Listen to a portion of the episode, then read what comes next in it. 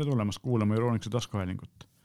uus aasta on käes ja nagu alati on jaanuari alguses suured tehnikauudised, sest et Ameerikas on käimas maailma suurim tehnikamess CES kaks tuhat kakskümmend kaks ja tavapäraselt on ka selle aasta CES-i võtmesõnadeks palju uusi telereid ja palju uusi arvuteid. lisaks loomulikult igasuguseid muid vidinaid ja põnevaid teemasid, aga tänase saate me katame ära ilmselt just telerite ja arvutitega seonduva, kuna need on asjad, mis meid ennast ja, ja ilmselt teid kõiki kõige rohkem huvitavad. ja nagu ikka teiega siis tehnikauudiseid jagamas on Meelis Väljamäe ja Oliver Rõõmus ning äh, võtame ette kohe esimese teleri teema, milleks on see, et LG ei ole enam üksi tootmas Oledi ehk siis kui siiamaani Oled-telerite tootjaid oli terve hulk, äh, kõige suuremad neist peale LG siis Sony ja Philips ja loomulikult ka Panasonic ja, ja Hisense ja, ja muud sellised väiksemad tegijad, siis äh, tegelikult kõik need kasutasid äh, LG ekraane ja siis tegid sinna oma, oma tarkvara ja oma pilditöötluse ja siis mõni tegi isegi näiteks paremat pilti kui LG enda telerid mm., kuigi LG telerid on hinnaga alati suhteliselt alati olnud nagu kõige, kõige paremad, aga noh, Sonyl on, on hinnaga siis kallim ja tegelikult natuke parem pilditöötlus kohati ja Philipsi muidugi trumbiks on, eks ole, see, et neil on Ambilight taustvalgustus, mis teeb äh, sellise elamuse nagu paremaks. ja LG on nagu olnud äh, siis ainus telerekraanide, Oled ekraani tootja, Samsung on teinud kogu aeg, on, on siiamaani turuliider siis väikeste Oled ekraanide tootmises nagu telefonid mm. ja tahvelarvutid ja tegelikult viimasel ajal ka sülearvutite ekraanid. suuremaid ekraane nad kunagi üritasid teha, aga loobusid sellest, nad ei saanud oma tehnoloogiaga LG-le vastu, siis nüüd on Samsung tulnud välja Eh, telerid veel otseselt turul ei ole, aga see uus QD Oled tehnoloogia ja millega nad hakkavad otseselt LG-le konkurentsi pakkuma ja kui esimesed demod on väljas, just nende ekraanitehnoloogia demod, siis eh, on näha, et praegu hetkel on tegelikult Samsungi Oledid parema pildiga kui isegi LG omad, mis ei tähenda, et LG omad oleks kehvad, nad on siiamaani jätkuvalt ikkagi eh, kõvasti paremad kui LCD ekraanid, aga milles on siis vahe? vahe on siis selles, et Samsungi tehnoloogia kasutab ainult Eh, sinist Oledi ja paneb, sinise Oledi ette on pandud eh, kvantpunkte, quantum dotte, mis eh, siis tekitavad sellise prismaefekti, et teevad sellest sinisest siis teised värvitoonid ka. tulemuseks on see, et see Oled on eredam kui LG oma ja värvid on veel täpsemad mm. kui LG oma, eriti soojad värvid, näiteks kuldne ja punane ja sellised. et ähm, alati on olnud Oled tehnoloogia kõige tugevamaks küljeks see, et kontrast on ideaalne, et on praktiliselt must on mm. ideaalselt must, eks ole, ja see tähendab seda, et värvid on, on selle võrra säravamad kui LCD ekraanil mm. -hmm. ja Oled tehnoloogia negatiivseks küljeks on alati olnud see, et äh, eredus on kehv mm. -hmm. kehvem kui LCD-l, mis tähendab seda, et kui te vaatate tavalises kodustes tingimustes äh, suletud kardinatega, siis tegelikult ei ole mingit probleemi. aga kaks kohta, kus kehvem eredus välja tuleb, on esiteks see, et kui teil on väga hele ruum, päike paistab otse ekraani peale, siis pole sealt väga palju mm -hmm. näha ja teine on siis see, et kui on HDR signaal, kus on vaja nii palju eredust, et sellistest varjudest tuua detailid esile, siis tekib, tekib probleeme sellega. ja LG on selle kallal tööd teinud ja kui siin mõni aasta tagasi oli selline viissada, kuussada nitti brightness oli täiesti või eredus oli noh, täiesti selline tavaline, see ei ütle väga palju, aga, aga võrdluseks siis praegu on uuemad selle aasta LG Oled paneelid tuhande nitise eredusega ehk kolmandiku võrra paremad mm, -hmm. siis Samsungi paneel on veel eredam, nad küll täpseid numbreid ei ole öelnud, aga üle tuhande niti heades tingimustes. ja kuni kolmkümmend protsenti parem eredus kui siis LG tavalistel paneelidel ja LG ise on jälle oma eelmise aasta mudelitega ka kolmkümmend protsenti mhm. parema eredusega, nii et, et tegelikult siin äh, me näeme seda, seda eredust äh, areng tõusmas, just, aga kui me võrdleme, siis näiteks isegi Hisense'i selle aasta uued LCD telerid on kahe tuhande nitise eredusega ja, ja mõnedel stuudioekraanidel Blu-ray'd näiteks tehakse mm., arvestatakse HDR-i töötlusel nelja tuhande nitise eredusega, nii et tegelikult seal ruumi areneda veel on. aga noh, tava kodukasutuses tavalistes tingimustes tegelikult ei ole suurt vahet.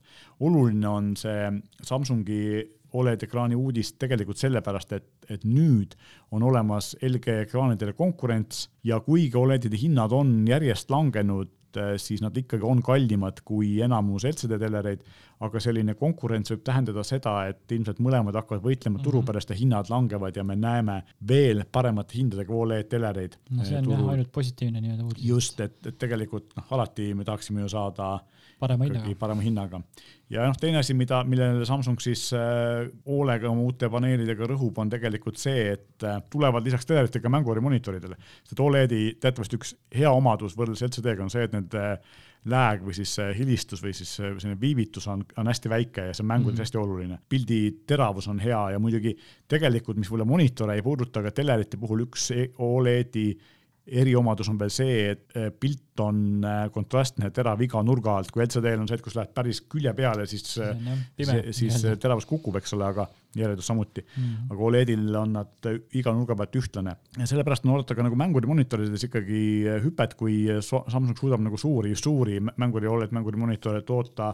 Ja noh, teatavasti Samsung on üks suurimaid monitori ekraanide tootjaid, vahet pole, kelle nimi mm -hmm. seal peal on või kes selle monitori kokku on pannud siis ilmselt me näeme nagu Samsungi paneeliga monitore, just Oled paneeliga monitore sel aastal ka tulemas. mis on naljakas, on see, et äh, kuude, kuude Oled või uue Samsungi äh, Oled teleri äh, tehnoloogial põhineva päris teleri kuulutas esimesena välja hoopis Sony, mitte Samsung ise mm. -hmm. ehk siis noh Sony on jällegi esimene klient, kes siis Samsungi käest ekraane ostab, siiamaani on nad kasutanud äh, LG ekraane ja huvitav on esiteks näha seda, et kas Sony hakkab siis kasutama nagu mõlema tootja ekraani ja kui meil on nagu üks tootja, kes kasutab konkureerivaid ekraane ja sama või sarnast tarkvara ja mm -hmm. pilditöötlust, et kumma paneeliga nad siis paremaid tulemusi saavutavad, et sellega on see, et kui LG ise teeb oma ekraaniga või Samsung ise teeb oma ekraaniga, siis seal nende enda pilditöötlus meil ei ole nagu konkreetset võrdlust. aga kui meil on keegi kolmas tootja, kes kasutab mõlemaid, siis meil on tegelikult hea võrdluspunkt, et milline tehnoloogia siis tegelikult nagu eh, nende, nende tarkvaraga liites parema tulemuse annab, et see on nagu selline väga huvitav äh, uudis, mis on ilmselt CES-i uudistest minu arvates tuleviku mõttes kõige suurem uudis. ja kui me teleritest räägime, siis tegelikult üks asi, mida, mida võib siin kohe ette võtta, on äh, Samsung, kui me Samsungi paneelidest räägime, siis räägime ka Samsungi uutest teleritest. esimene selline suur asi on see, et uue aasta või selle aasta uutel mudelitel on siis uus tarkvara, mis äh, minu arust meenutas, ma esimese asjana, kui ma nägin seda, meenutas mulle väga Amazoni Fire TV-d, aga siin ajakirjanikud ütlevad, et noh, võib-olla rohkem meenutab isegi Google TV-d või Apple TV-d, ehk siis ta on selline, kui teleri lahti teete, siis esimesena no, vaatab vastu selline keskekraan, kus siis on mhm. kõik nii-öelda voogedastusteenused, mis seda lahendust toetavad, ära toodud koos teie soovitustega, koos sellega, mida te viimati vaadanud olete, saab samast kohast jätkata, ehk selline hub või, või keskne punkt, kus saab siis ähm, jätkata vaatamist, mis näitab ka seda, et tegelikult üsna palju ikkagi telerid ka liiguvad sinnapoole, et inimesed vaatavad pigem oma saateid ja filme sellistest Netflixi taolistest voogedastusteenustest mm -hmm. ja mitte nii-öelda telekanaleid. kusjuures see ongi siuke huvitav nagu teema, sellepärast et mulle endale ka tundub ja ma ise ka tegelikult kodus vaatan pigem ikkagi nii-öelda äh, siis net, Netflixi sarju või siis filme, et ma ütleme, telekat väga ikkagi harva vaatan, et kas, kas me oleme huvitav liikumas selles suunas, et tegelikult ütleme, tele, televisioon kui selline kaob mingi hetk ära? Ja noh, televisioon kui selline liigub internetti, eks ole, ja, ja tegelikult ega ka ju televisiooniteenuste pakkujad näevad seda väga selgelt või vähemalt siis mitte telekanalid ise niivõrd, kuigi ka seda, aga vanasti nimetati neid kaabeltelevisiooni pakkujateks, eks tänapäeval siis teleteenuste pakkujateks ja me näeme seda tegelikult praegu Eestis äh, väga selgelt, miks? Äh, esiteks on see, et mis on siin viimase mõne kuu jooksul juhtunud. alustas mm. Elisa, kes tuli välja oma Androidi põhise digiboksiga mm. ja äh, Androidi äpiga, mis siis on olemas Android TV-ga teleritele ja telefonidel, tahvelarvutitele ja sa saad nüüd Elisa teleteenuse võtta sõltumata sellest, millise internetioperaatori klient sa oled. põhimõtteliselt sa vaatad yeah, telekanali läbi Elisa. täpselt sama asjaga tuli nüüd välja Telia Android tv rakenduse ja, ja äpp on kogu aeg olnud, aga mm, -hmm. aga põhimõtteliselt nüüd on nagu ka Telial ikkagi päris korralikult see teleteenus ja siis mm -hmm. internetiteenus nagu lahku löödud, et saad võtta ühe või teise ilma te, mõlemat koos kasutamata ja tegelikult on tulnud ka turule konkurente, kes teleteenust pakuvad just siis nagu OTT või siis nii-öelda äpi kaudu. Eh, Go3 ja Apollo mm -hmm. TV on kaks Eestis nagu sellist kusjuures ERR, see Jupiter näiteks just. minu jaoks on väga-väga äge, et see on igasti no, lahedad laste, lastesaated perega on nagu super. ERR-i inimestega, Jupiteri sisuvalduritega me oleme siinsamas saates rääkinud ja, ja tegelikult Jupiter on, erineb selle poolest nad pakuvad sellist teistsugust kvaliteetsisu mm, -hmm. eks ole. ja see näitab tegelikult seda, et ikkagi ongi, et teleteenus on muutunud, liikumas mm -hmm. internetti ja loomulikult enamus asju saab ju ka seal järele vaadata, mis tähendab mm, -hmm. see ongi nagu põhimõtteliselt juba voogedastus nii-öelda nõudmisel, nõudmisel sisu. et sinna see kõik liigub, see on nagu selge ja paratamatu ja praeguseks nagu noh, ilmne ja ma arvan jah, et, et ähm, mida rohkem me näeme seda, et ähm, nii-öelda klassikaline õhu kaudu liikuv tavaline telesignaal ikkagi kaotab Kaob oma olulisust ja ta võib-olla mingi hetkel kaob ära ja noh, me oleme praegu näinud, et järjest siin Eestis ka eh, sagedused, mis eh, vanasti kasutati telesaadete jaoks, järjest rohkem muut-, võetakse need kasutuselt ära ja need liiguvad mobiilside alla, et me teame, et seitsesada megahertsi, mis kunagi oli puhtalt tele kasutamiseks, siis praegu varsti-varsti peaks tulema uus konkurss, kus see seitsesada megahertsi jagatakse siis 5G operaatorite vahel mm -hmm. ära, nii et tegelikult ilmselt me hakkame ikkagi nägema rohkem seda, et see vana, vana telesignaali jaoks kasutatud nii-öelda õhukoridorid lähevad siis mobiilside alla ja, ja tele ja siis üle sellesama mobiilside mm -hmm. üle interneti hakkab tegelikult meil see telepilt liikuma. et see on, see on selge, et, et nii see läheb ja, ja nii see tegelikult on juba jupp aega läinud ja siis samamoodi sisuteenuste pakkujad, kes vahendavad siis neid kanaleid, saavad samamoodi osaleda siis nendes Samsungi selles äh, Media Hubis või mm, -hmm. või teistes, et nii-öelda äh, nad saavad ise tuua esile mingeid äh, filme, sarju, mida nemad eksklusiivselt pakuvad ja siis need on seal, seal kohe nagu nii-öelda nina all näha ja inimesed saavad neid kergelt leida ja vaadata. ja, ja loomulikult teine asi, mis nagu Eesti, Eesti sellistesse operaatoritesse puutub, siis tegelikult ka nemad lisaks sellele üritavad ju ise oma sisu toota mm, -hmm. et, et tegelikult näiteks teil Elisal on nüüd võimalus vaadata nende sarju, reeturit ja mm -hmm. mis iganes muid, mis nad toodavad ise, ilma siis nende selle teenusega liitumata, vaid lihtsalt nagu maksad ja mm -hmm. vaatad, et mis on ähm, ka tegelikult mõnes mõttes huvitav, et Eesti pisikesel turul selline asi üldse ära tasub. ja teine asi on see, et see on ikkagi näide sellest, millest just rääkisid, et selline klassikaline teleteenus, televisioon on muutumas ja juba, juba tegelikult muutunud ja noh, teine asi, mis, mis, kui me sellest ähm, tarkvarast Samsungi puhul räägime, siis teine suur asi, mis äh, selle aasta mudelitel on tulemas, on äh, Game Hub ehk mängukeskus, kus äh, esimese suure asjana juhtus see, mis juhtuma pidi, ehk siis pilve, pilvemänguteenuste integratsioon. Google Stadia ja Nvidia GeForce Now on esimesed, ma üldse ei imestaks, kui sinna kohe-kohe varsti võib tulla ka Microsoft Xbox Now mm, -hmm. Xbox Gamepass on siis mm -hmm. selle teenuse nimi ja miks mitte ka mingi Sony teenus ja samuti siis GameHub toetab otse, me täpselt veel ei tea, kuidas, aga, aga niimoodi saab teleriga ühendada Playstationi ja, ja Xbox'i puldid ja siis vastavalt sellele, mida sa kasutad, kas sa ühendad konsooli sinna taha ja lülitad sisendi konsooli mm. peale või siis selle pilveteenuse saad sama pulti kasutada yeah. erinevate teenustega. ja noh, muidugi igasugune üle interneti mängude striimimine eeldab seda, et äh, internetiühendus on piisavalt hea, eks mm. ole. Õnneks meil Eestis ei ole sellega probleemi Mõnet, olnud. kiirused lähevad piisavaks ja, ja kuna meie serverid on ka piisavalt ligidal, kui mõni suurem äh, Google või Nvidia või keegi Microsoft siin äh, järjest rohkem ehitab äh, siia meie kanti Skandinaaviasse ka mänguservereid, siis tegelikult ilmselt me saame mängida meie ühendustega päris hästi ka veebis mänge, nii et just selliseid mm -hmm. suuri ja suurt kiirust nõudvaid mänge väga hästi. et see on nagu selline, kui mängimisest rääkisime, siis tegelikult üks asi, mis on Samsungi uutel neokuulajad sarja ja mini-LED-teleritel uus on äh, sada nelikümmend neli hertsi äh, kiirusega 4K video, mis siiamaani oli sada kakskümmend, teleri vaatamisel pole vahet mm. -hmm aga mängimisel on see mõnede inimeste jaoks väga oluline ja see näitab seda, et tegelikult äh, see, kus mänguri monitorid on olnud pidevalt teleritest ees, hakkab ka teleritel ikkagi järgi jõudma. nüüd selle vahega, et noh, mängurimonitor praegusel lähevad juba kahesaja neljakümne, kolmesaja hertsini, noh, tegelikult enamus mängudes seda ei ole ka tarvis, aga, aga sada nelikümmend neli on ikkagi arvestatav hüpe ja teine asi on see, et praktiliselt kõik Samsungi uuemad telerid toetavad siis 4K resolutsiooni juures sada kakskümmend hertsi, mis on ka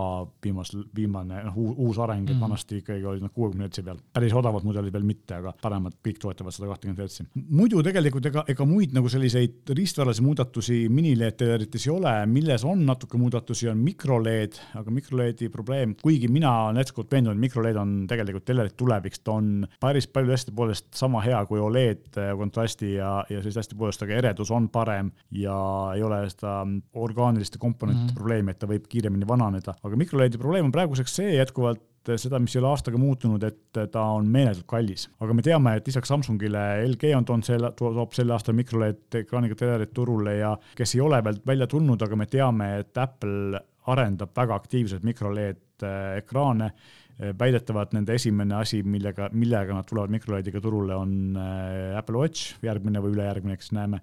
ilmselt järgmisena siis eh, sülearvutiekraanid ja nii edasi. ehk siis mikroLED on kindlasti tulevik ja, ja seda me näeme siin mõne aasta pärast, aga praegu, praegu hetkel meil on ikkagi Oled ja mini-LED, mis on sellised mm -hmm. olemasolevad tehnoloogiad. aga lisaks siis sellele on tegelikult Samsungil üks selline täiesti ulmeline uuendus mm, -hmm. mida mina ei osanud oodata või tegelikult nagu mingeid katseid on tehtud, aga et see juba nii valmis on see tehnoloogia, et ta nagu päriselt niimoodi müügile jõuab, on, on minu jaoks üllatus, et nimelt siis Sony telerite, kallimate telerite puldil on olnud paar aastat päiksepaneel, mis siis saad aknalaua peale panna, ta laeb mm -hmm. ennast, eks ole, täis. aga nüüd siis suudab ka uus, uued puldid suudavad toas levivaid raadiolaineid püüda, see, neid, mis teie ruuter, mis teil kodus kapinurgas seisab, eks ole, õhku paiskab ja laadida ennast nende samade raadiolainetega. mis tähendab seda, et, et kui need on piisavalt tugevad, siis tõenäoliselt ei ole pulti vaja muul moel mm -hmm. kunagi laadida, eks ole, võib-olla vahest harva on vaja siis ta kaabli otsa pista. ütleme ja... nii, et on juhtunud küll, et tahad õhtul kindlasti telekat vaadata ja siis vaatad, et see pult on tühi, onju. ja, ja siis hakkad otsima, kus sul seda patakat leiad, onju, aga see patakas on ka siuke imelik ümar üm,, ümar patakas, eks ole, siis lähed otsid poest kuskilt seda ja, ja. et siuke lisa nagu tüütu asi, aga, aga kui see niimoodi toimib, see on nagu suurepärane, et, et muidugi tahaks nagu palja silmaga näha neid laineid, kõiki, mis meil toas toimub, onju, see on päris ulme. jah, et, et tegelikult ju negatiivne, mis on pultidega juhtunud, ongi see, et mõnes mõttes hea, et tänapäeva puldid on kas siis raadiosignaaliga või Bluetoothiga, ei ole enam infrapunaga, mis tähendab seda, et sa võid seda pulti kasutada kasvõi teisest toast toast, eks mm -hmm. ole, aga probleemiks on see, et see võtab rohkem voolu mm, -hmm, eks mhm, aku saab või patarei saab kiiremini tühjaks. aga kui on olemas nagu mingid sellised nähtamatud lahendused mm -hmm. nagu mhm. päiksepaneel või, või seesama raadioainetega laadimine üle õhu, mis tähendab seda, et sa ei pea seda pulti kuskil kaabli otsa panema mm -hmm. või mhm. patareist vahetama, et on kogu aeg laetud, siis see on väga mugav, eks. see on väga-väga mugav. huvitav, kas mingit äh, puututundlikku teemat ei ole mõeldud kuidagi või? Äh, noh, tegelikult ju puututundlikke pilte on tehtud, aga see ei ole kunagi olnud väga populaarne. aga telekat? ma tean, et Samsungil on olemas äh, nii-öelda siis jah, selliseid kommertsekraane, mis on puututundlikud mm, -hmm. mis on mhm. siis, kui sa jah, interaktiivsed nii-öelda, eks ole, jah, loomulikult äh, külmkappide ekraanid, mis on puututundlikud, eks ole, aga, aga telereid ei ole jah, ma arvan, et, et see võib-olla tuleb ka kunagi tulevikus, kuigi noh, vaata, seal on see häda, et kui sa suurt ekraani vaatad, sa vaatad seda natuke no, eemast. Nagu sa tahad ju minema. istuda diivani peale ja just. siis hakkad vaatama midagi, onju. pigem on, pigem on see võib-olla, pigem tuleb äh, sellise puututundliku telerekraani asemel tuleb ikkagi mingisugused paremad ja täiuslikumad virtuaalreaalsuse mm -hmm. lahendused, et need, need võib-olla on, on suurema tulevikuga kodus või toas. aga, ja viimane Samsungi suurem uuendus on siis äh, V-Frame seeria elustiili telerid, mis tegelikult äh, siis peaksid näitama või näitavadki välja lülitatud asendis soovi korral kunsti, et saate ise oma pilte sinna panna, saate, no sisseedu mingi galerii, mis näitab mingisuguseid tuntud äh, kunstiteoseid. Ja nende probleem on olnud see, et telereklaamid on alati olnud sellised läikivad ja siis ta jätab siukse ekraani mulje mm -hmm. ja mhm, natuke mhm. peegeldab tagasi ei ole nagu väga, väga ilus vaadata, kui, kui päike peal särab eriti. siis uued mudelid on mattekraaniga, mis Samsungi väitel meenutavad eh, siis lõuendit või paberit isegi katsudes, nii et tegelikult näitab ta siis seda kunsti reaalsemat, realistlikumat. Eh, mida ma tahaks oma silmaga näha, on see, et kui palju see mõjutab nagu tavalise telepildi kvaliteeti, sest ikkagi kui see on nagu selline matt, siis ta võib-olla mm -hmm. natukene võtab kontrasti vähemaks, eks ole, aga, aga ilmselt nad on leidnud mingisuguse kompromissi kompromissi, kus äh, ei pea liiga palju nagu äh, loobuma ühest ja samal ajal saama, saama siis sellise eelise teises, et, et see on tegelikult päris põnev, et kuidas nad seda teevad. et need on nagu põhilised suured äh, sellised teleriuudised, võib-olla ju, juurde võib siin lisada seda, et LG-l siis nende Oled Evo seerial G2 ja C2 mudeleid loomulikult tulevad uued ja kui seal ei ole nagu võib-olla midagi väga sellist suurt, siis oluline on see, et tulevad lisaks tavalistele suurustele ka suuremad ja väiksemad mudelid, et üheksakümmend seitse tolli ja nelikümmend kaks tolli, kui siiamaani oli kõige väiksem Oled teler on nelikümmend kaheksa tolli, siis nüüd on võimalik ka sellist magamistoa mõõtu mm. Oledi mm. osta peagi. kuuekümne viieni, viiekümne viieni, et sellist on loomulikult äh, jätkuvalt äh, müügil ja seal nagu väga suuri muudatusi tegelikult ei ole.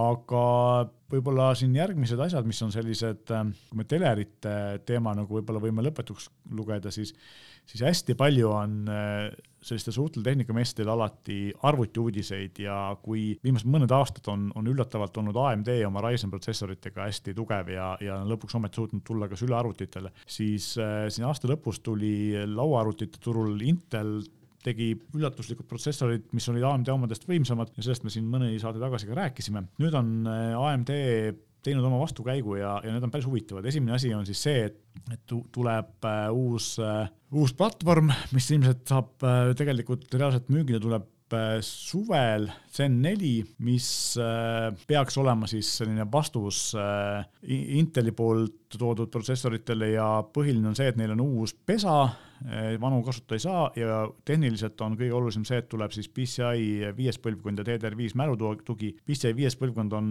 jaburalt kiire, ehk siis SSD-d, mis PCI viite toetavad, on põhimõtteliselt sada korda kiiremad kui tavaline kõvaketas, et see on nagu täiesti uskumatu mm., millist, millist kiiruse edusamme on tehtud mõne aastaga. Ja noh, AMD ise siis arvab, et, et nende uute protsessoritega nad suudavad saada Intelile vastu jõudluse poolest, samal ajal tarbida vähem voolu. Eks me näe, et suvel nad tulevad, aga noh, loomulikult siis te peate ostma uue emaplaadi lauaarvutile, sest et äh, praegu siin nad ei toeta. Mm.. mis on aga minu arust nagu veel põnevam ja suurem äh, uudis on see, et äh, AMD toob sülearvutitele siis kuus tuhat seeria Ryzen protsessorid, mis on esimesed sülearvutiprotsessorid, mis kasutavad AMD RDNA kaks arhitektuuri mida see reaalselt tähendab, tähendab see seda, et RDNA kaks on olemas ka kasutusel siis mõlematel äh, uutel või viimastel mängukonsoolidel, PlayStation viiel ja Xbox Series X-il. Praktikas tähendab seda, et äh, sellised tavalised sülearvutid, mis ei ole mänguri sülearvutid, äh, integreeritud graafikaga, nende graafika saab tänu RDNA kahele kaks korda võimsamaks kui siiamaani. ja kui me teame, et see aasta on olnud, siis eelmine aasta, kaks tuhat kakskümmend üks on olnud AMD-le sülearvuti turul väga hea, sest et nende protsessorid on olnud võimsamad ja samal ajal soodsamad kui Inteli omad, siis see liigutus, kui nad suudavad sama hinnaga neid pakkuda, toob ilmselt eh, veel rohkem konkurentsi Intelile mm. sülearvuti turul ja, ja loomulikult noh, tegelikult mis, kui me räägime Elemandist ruumist, siis ega see Inteli ja AMD konkurents on tore küll, aga, aga tegelikult kõige suuremaid asju ikkagi sülearvuti turul teeb oma kiipidega praegu Apple mm -hmm M1-le vastusaamine on kõigi jaoks oluline ja ja noh, kuigi ilmselt akukestvuse poolest need uued äh, AMD kiibid veel äh, Apple'ile vastu ei saa, siis see kaks korda suurem graafikjõudlus vähemalt toob, toob nad natukene lähemale, eks ole, et mina tahaks küll näha nagu neid uusi siis äh, AMD protsessorid, mis siis äh, toovad uutele sülearvutitele sellise suurema jõudluse väiksema energiakuluga. ja loomulikult ega nii kui AMD selle uue protsessori välja kuulutas, nii tuli praktiliselt kõigilt suurematelt tootjatelt äh, hunniku viisi pressiteateid, kus nad ütlevad, et kohe-kohe annavad nad mhm. välja ka nende protsessoritega uued arvutid, eks ole. praktiliselt kõik suuremad arvutitootjad too, toovad turule siis uute protsessoritega arvutid. sisu või siin välimus tõenäoliselt väga ei muutu, mudelid jäävad väga sarnaseks, aga, aga sisu saab olema siis võimsam kui, kui varem, mis on väga põnev ja loomulikult ka Intelil, eks ole, et Intel äh, kuulutas välja siis lausa kakskümmend kaks uut lauaarvuti protsessorid, kaheteistkümnenda põlvkonna oma, et kui siiamaani oli neil siis see, mis AMD-d võitis, oli selline hästi kallis ja hästi võimas ja hästi suure voolutarbega, siis nüüd nad toovad turule ka sellist tavakasutajatele mõeldud soodsama hinnaga protsessorid, aga see on ikkagi no lauaarvuti teema ja see ei puuduta sülearvuteid, sülearvutitele neil veel kaheteistkümnenda põlvkonna omasid väga ei ole aga igal juhul see, see võitlus on põnev ja see näitab seda, et keegi ei taha alla anda ja, ja tegelikult noh, mis on kõige olulisem, on ikkagi see, et see Apple'i selline meeletult suur ja ootamatu edumaa mm protsessorite tootmises äh, pani konkurendid kõvasti tegutsema ja me saame näha siin lähimate kuude ja aastate jooksul, mida siis äh, uut seal veel tuleb, et tegelikult sealt tuleb ikkagi päris palju innovatsiooni just tänu sellele, et noh, see näitab seda, et konkurents on hea, eks mhm. ole mm -hmm., kui keegi midagi ägedat teeb, siis ega teised ei taha lahjemad olla just, ja teevad, teevad järgi või teevad midagi paremat. see tähendab, et meie kui kasutajad saame järjest ägedamaid tooteid. ja noh, loomulikult, äh, kui me siin suuremast telerist rääkisime, siis korraks võib mainida, et äh, tegelikult ka Hisense äh, toob turule mini-LED-iga telerid, sada kakskümmend hertsi, kaks tuhat nitti eredust, nagu ma juba enne mainisin, uued Oledid ja loomulikult Hisense'i selline leivanumber on siis hea pildiga lihtsad ja soodsad telerid, ehk siis sinna seitsmesaja kaheksa euro kandis saja kahekümne hertsine värskendussagedus 4K telerid, mis noh, LCD-d loomulikult, mis on tegelikult äh, sellised asjad, mida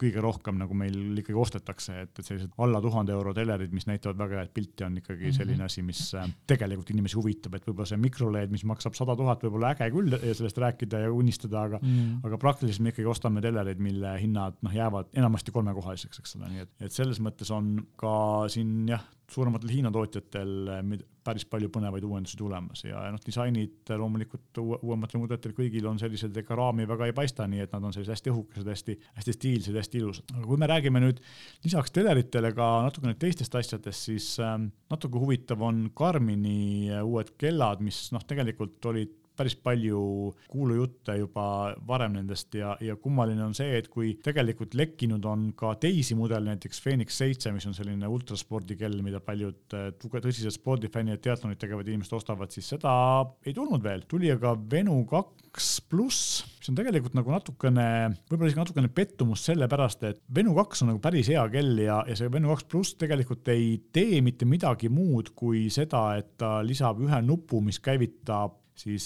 hääleassistendi ehk siis äh, selle hääleassistendi, mis sul telefonis on, et kui sul on Androidiga telefon mm, -hmm. see on mhm. tõenäoliselt Google Assistant ja kui sul on iPhone, see on tõenäoliselt Siri, eks ühe nupuvajutusega saad sa kutsuda välja Siri ja rääkida nagu Michael Knight mm -hmm, kellaga, ehk siis just, ehk siis tal on, on, on olemas hääleassistendi tugi ja, ja samuti siis ta mängib selle sisesõidu kõlariga sul, ma ei tea, Spotify'st muusikat, mida ma ei tea, kas keegi tahab kellas oleva ma just mõtlengi jah, käid tänava, tänava peal ja siis kuulad niimoodi, et telefon on käsi kõrva ääres klappe saad sa nagunii äh, kasutada siiamaani, aga tegelikult jah, kui enamus teisi kellasid ju võimaldab kellaga rääkida ja neid abilisi kasutada, Apple Watch laseb mm. seda teha, eks ole, Samsungi kellad lasevad seda teha, siis Garmini spordikelladel pole seda võimalust siiamaani olnud, mis on tegelikult teretulnud uuendus, aga samas see on ka praktiliselt ainus uuendus, ekraan on täpselt sama, mis enne, natukene küll äh, raam on läinud väiksemaks, nii et kell ise on väiksem, aga ekraan on sama suur, aga mingeid nagu tehnilisi suuremaid uuendusi seal ei ole. Ja teine, mis siis on äh, on selline väike Vivamuu sport, mis on selline soodne spordikell, sada seitsekümmend, sada kaheksakümmend eurot.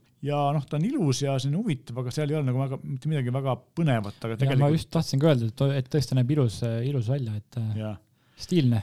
just ja, ja noh, tegelikult see Vivamuu sport on siis mõeldud konkreetselt konkureerimaks selliste soodsamate lahendustega nagu näiteks Fitbit mm -hmm. või, või mõned Huawei kellad vahe on see, et on nagu Karmin ikka, siis Karmini kellad on tõsised spordikellad ja üks asi, mida, mida Vivamoviga kogu aeg on üritatud teha, on siis see, et äh, nende akud äh, kestavad äh, kauem aga mina ootasin tegelikult lisaks siis ka seda Phoenix seitset, mida me kahjuks praegu ei näinud, ilmselt jääme edasi ootama, et kas, kas seal on midagi põnevat. Phoenix on ikkagi selline täiesti, täiesti tippklass, kus on sisse ehitatud kaardid ja triatloni funktsioonid ja muud sellised asjad, aga seda me siis peame, peame veel veidi ootama ja mis võib-olla siis veel siin on Asusel näiteks, kui me võtame mõned üksikud näited sellest, mida põnevat CES-il veel näidati, Asus tegi Olediga painduva tahvli, mis meenutab või selline hübriidarvuti, mis meenutab väga seda Galaxy Foldi mm -hmm. nutitelefoni, aga selle vahega, et on seitsmeteisttolline ja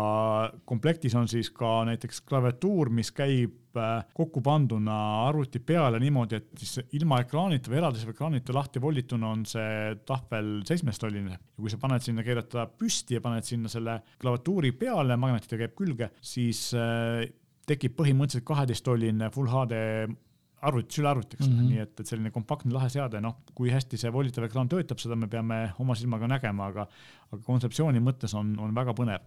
ja sarnaseid nagu selliseid põnevaid asju tehti veel, et üks asi, mis on nagu, kuulub sellisesse kurioosumite maailma, on, on tegelikult äh, Black and Decker, kes on äh, ma ei tea, tolmuimeja ja, ja akutrellitootja, eks ole mm, -hmm. on teinud äh, kapslitega töötava robotpaari ehk siis äh, on viis sellist torukest, kuhu saad panna oma alkoholipudelid.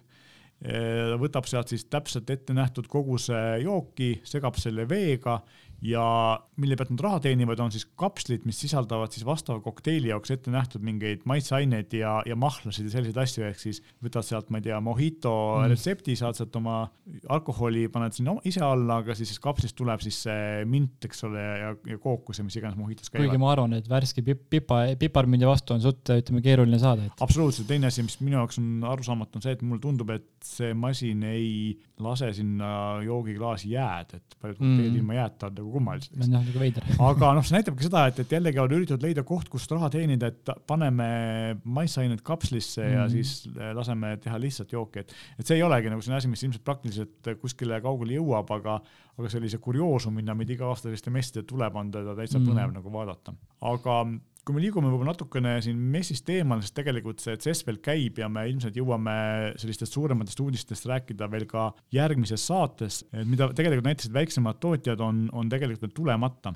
Ja neid me saame siin, siin analüüsida ja rääkida veel, veel päris, päris pikalt, et sealt on kindlasti tulemas äh, väga palju põnevat ja noh, loomulikult, mis meid, Eesti turgu puudutab, siis need välja kuulutud asjad, mis eh, tegelikult enamasti jõuavad turule siin Eestis või meil Euroopas kevadel, siis seal võib olla ka mingeid muudatusi USA versioonidega võrreldes ja me tegelikult täpselt ei tea, et see Karmini kell on küll asi, mis tuleb kohe, aga telerid enamasti tulevad meile siia kevadel ja sellepärast me võib-olla võtamegi nagu see CES-i osa praegu kokku ja räägime sellest järgmine kord edasi, kui meil on nagu rohkem infot selliste pisemate põnevate uudiste kohta. aga vaataks otsa sellisele asjale, mis on nagu meie praeguses energia ja kalliste elektrihindade juures nagu hästi huvitav, on see, et selline firma nagu Gulf Energy on teinud esimesed päiksepaneeli eh, sindel tüüpi päiksepaneelid ehk siis sellised tavalised sindlid või, või katuseplaadid, mida, mida katusele pannakse, kui Tesla tegi siin ka sellise mm -hmm. päiksepaneelidest katuse eh, komponendid, siis need ähm, Cafe Energy päiksepaneelid on esimesed, mida saab tavalise naelapüssiga katusele naelutada, ehk siis selle paigaldamine käib klõps, klõps, klõps, et ei ole mingisugust keerulist äh, juhtmete vedamist ja sellist äh, spetsiifilist tööd, mis tähendab seda, et selle paigaldamine on läinud põhimõtteliselt neli-viis korda kiiremaks mm -hmm. kui seniste päiksepaneelide ja nende vahetamine on ka nagu lihtsam, et kui üks peaks katki minema, siis saab ja, äh, kiiresti välja vahetada. huvitav, mis see hinna, hinnastus nagu seal jääb, et? Äh, ma ei oskagi öelda, aga ma arvan, noh, vaadates nagu, kuidas nad välja näevad, siis tõenäoliselt ega nad ju väga palju kallimad ei ole kui teised päiksepaneelid, eks ole noh, nad on lihtsalt äh, tüki hind või tükk, tükk on väiksem kui klassikalise mm -hmm. päikesepaneeli, aga samas nad on ka lihtsamad, eks ole, et. just, just. et Muga, tegelikult on, just ja tegelikult on ju see, et, et äh, ka Eestis äh, ikkagi päikesepaneele praegu juba tasub panna, sest et ka neid klassikalisi tavalisi, sest et nad on läinud piisavalt odavaks mm -hmm. ja päikest on meil küll vähe, aga, aga siiski piisavalt, nad praegu tasuvad ära, eriti nüüd tõusnud elektrihindade juures, et sa ei ole enam sõltuv siis elektrifirma hinnatõus, kõikumistest, eks ole, ja, ja, või vähemalt osaliselt saad mm -hmm. nagu mhm. selle elektritarbe ära katta ja kui sul on piisavalt suur katus ja piisavalt palju päikesepaneele, siis ereda ja päiksega ilmaga suvel võib juhtuda, et sa saad ka natukene ise toodetud energiat jah, võrku tagasi müüa, et, et see on ka ju tegelikult võimalik ja täpselt samamoodi tehakse elektriautodega, et äh, aku, akus laetud elektrit saab suurema nõudluse tarbides võrku tagasi müüa mm, -hmm. et USA-s seda rakendatakse. et selles mõttes ja meil on ka pangad LHV näiteks ja, ja siin teised pakuvad äh, päiksepatareide päikesepaneelide paigaldamiseks väga soodsat sellist roheenergia laenu, nii et, et tegelikult see tasub ära mõne mm, -hmm. mõne või mõnekümne aastaga. aga praegu tuli tegelikult meelde üks uudis veel, mida ma nagu ennem siin dokumendis välja ei toonud, mis puudutas CES-i, siis Mercedes äh, kuulutas välja elektriauto no,, mis ei ole muidugi uudis, Mercedes on enne olnud elektriautosid. mis on uudis, on see, et äh, nende väitel on see esimene päris turule tulev elektriauto, mis suudab sõita ühe laadimisega üle tuhande kilomeetri no väga hea. Äh, Eesti tingimustes ma arvan, et sellest nagu piisab, sest et äh, Tartusse tagasi või Võrusse tagasi on garanteeritud, eks ole. kui siiamaani on olnud elektriauto ja muidugi teine asi, mis tegelikult meie, kui me vaatame aknast välja, mida me näeme, et meil on külm ja selline mm -hmm. talvine ilm, siis me teame, et akude mahtuvus talvel külmaga mm -hmm. langeb no, kõvasti mis tähendab seda, et kui sellest äh, tuhande kilomeetrisest range'ist jääb talvel meile, meie kliimasse viissada järgi, siis see on ka tegelikult piisav. ehk siis tegelikult hea on, et see varu on olemas. just, just. loomulikult noh, me, me ei, ei kujuta ette, mis selline innovaatiline, täiesti uue mootori ja täiesti uue akulahendusega auto maksab, Mercedesest teades siis ega ta odav olla ei saa. aga see näitab seda, et ähm, mis, milline tegelikult, milline mõtlemine, milline innovatsioon, inseneritöö läheb autotööstuses praegu elektriauto tootmise alla ja ja see annab lootust, et ikkagi Äh, kallimas otsas tuleb nagu väga palju innovatsiooni ja, ja siis see innovatsioon niimoodi tiksub nagu vaikselt allapoole odavamate, odavamasse otsa, me mm. lõpuks saame endale elektriautod, mis on soodsad, säästlikud ja, ja väga sellised ka taskukohased ka, eks ole, et kui mhm. praegu nad on veel natuke kallimad kui bensiinimootoriga autod, siis, siis võib-olla see mõne aasta pärast enam nii ei ole. ja tegelikult, kui elektriautodest rääkida, et noh, tegelikult on ka see, et statistika ütleb ja siin enamus inimesi, kes on kasutanud, ütlevad seda, et mis on elektriauto eelis, lisaks sellele, et võib-olla hoiad hinnas kokku, kuigi see vahe ilmselt elektri hinna tõustes väheneb, siis tegelikult on eh, hoolduskulu ehk siis inimesed, kes on ostnud elektriauto, on rääkinud, et täitsa lõpet, ma olen sõitnud viis aastat nüüd elektriautoga, ma ei ole kordagi pidanud vahetama mingisuguseid komponente ja ma ei ole yeah, pidanud käima hoolduses ja et see on nagu täiesti uus asi, et siiamaani on tavaline, et, et autol ikkagi midagi peab kõpit-, kõpitsema ja peab käima hoolduses ja tegema seal mingisuguseid asju korda, siis, siis äh, nendel nagu äh, tundub, et on noh, esiteks juba see, et see mootorid, elektrimootor niivõrd palju lihtsam mm -hmm. kui sisepõlemismootoril, sul ei ole vaja seda õli vahetada, eks ole, ja. noh, piduri, piduriklotsid ikka lähevad, eks ole. piduriklotsid ikka lähevad jah, see on aga, paratamatu. aga just mootori osa on kindlasti jah. et see on nagu elektriauto eelis ja, ja tegelikult äh, võib-olla siis äh, nagu tavaks saanud, võtame siia saate lõppu veel ühe sellise rubriigi, mis on äh, järgi proovitud või käes hoitud, meie oleme mõlemad näinud Oliveriga Samsungi uut S21 FE 5G telefoni, mis on Samsungi esimene mm -hmm selle aasta mudel, eh, mis on küll natukene hiljaks jäänud, sest et alguses räägiti, et see mudel on tulemas eh, siin septembris-oktoobris ja vahepeal olid kuulujutud, et Samsung on selle eh, väljatoomise tühistanud, ehk siis nad ikkagi ei tule selle mudeliga välja ja nüüd see on tegelikult meil reaalselt olemas ja, ja reaalselt ka müügil ja võib-olla natuke kannatabki selle all, et tuli natuke liiga hilja välja, sest et kohe-kohe siin veebruaris tõenäoliselt me küll täpselt veel ei tea, aga nagu kombeks neil on, tuleb, nad tulevad välja uue S22 mm -hmm. seeria või mis iganes nimega nad seda siis nimetavad, aga tõenäoliselt S kakskümmend kaks see on, sest et aasta on kaks tuhat kakskümmend kaks, eks ole. ehk siis ja, ja see tähendab seda, et senine tippklassi seeria S kakskümmend üks hinnad tõenäoliselt kukuvad, et praegu ongi selle S kakskümmend üks FE uue telefoni suurim nagu probleem on tegelikult see, et hind on natukene kallis, ta on praktiliselt, praktiliselt sama hinnaga või, või natukene soodsam, väga vähe soodsam kui, kui see klassikaline S kakskümmend üks, mis on tegelikult paremate andmetega. aga kui see hind peaks siin äh, uute mudelite tulles kukkuma piisavalt, siis tegelikult sellise kuuesaja eurose hinnaklassis oleks see ideaalne telefon, sest et ähm, tegemist on küll jah, lihtsa plastikkorpusega telefoniga, aga nagu me oleme varem rääkinud, plastikkorpus on tegelikult hea selle jaoks, et ta on palju purutuskindlam kui klaaskorpus ja ei võta nii palju sõrmejälgi ligi. ja kui sinna panna ümbris ümber, siis tegelikult nagunii enam sinna paneb ümber, ümbris ümber, siis tegelikult vahet ei ole. ekraan on väga hea, korralik saja kahekümne hertsine AMOLED ekraan, nagu Samsungil kogu aeg on olnud äh, tippklassi telefonidel ja kaamerad on loomulikult nagu Samsungile omaselt väga head.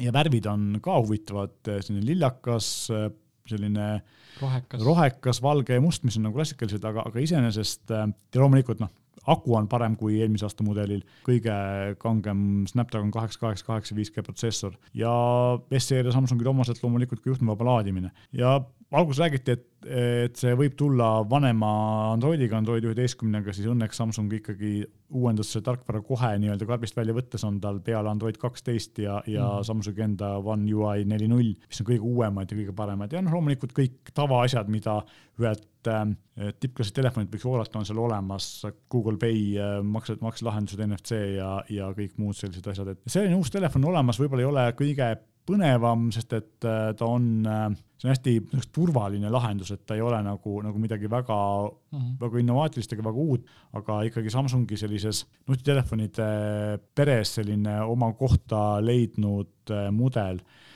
kindlasti ei saa ta olema nii populaarne kui äh, odavama otsa, näiteks see Galaxy A52 S 5G, mis on noh, praktiliselt kaks korda odavam ja ei mm ole üldsegi mitte halb telefon, vaid on, ma olen seda varem ka kiitnud, et mulle endale see väga meeldib, arvestades hinda. aga nendele inimestele, kes tahavad just neid lisaomadusi nagu juhtmevaba laadimist või siis äh, natuke paremaid kaameraid, siis see on nende jaoks ikkagi selline mudel, mida võib kaaluda ja noh, tegemist on uuema mudeliga kui vanad S21-d, mis tähendab seda, et tarkvara tugi on ilmselt pikem mm. -hmm. et see on nagu hästi oluline, mida võib, võib silmas pidada. aga võib-olla sellega tõmbakski selle, selle aasta esimese saate kokku ja, ja räägime ilmselt CES kaks tuhat kakskümmend kaks messil näidatud uutest põnevatest asjadest veelgi pikemalt järgmises või ülejärgmises saates, eh, mida me ilmselgelt ehm, peame tegema, sest et seal on asju, mida me praegu veel ei tea, aga mis mhm. tulevad ja mis on eh, väga põnevad, nagu iga aasta on olnud, et sellise suure messi sellised järellainetused ja kajastused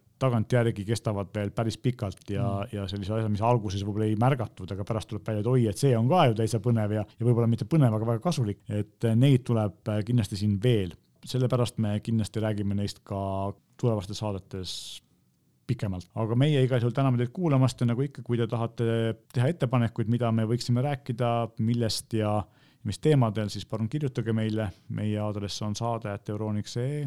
meie täname kuulamast